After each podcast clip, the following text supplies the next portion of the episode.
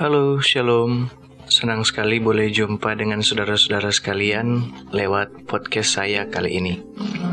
Ini merupakan podcast pertama saya.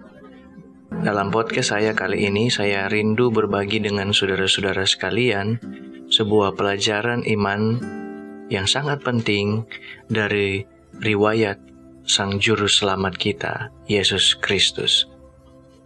Pelajaran kali ini diambil dari buku Riwayat Yesus yang ditulis oleh seorang penulis Kristen, Ellen G. White.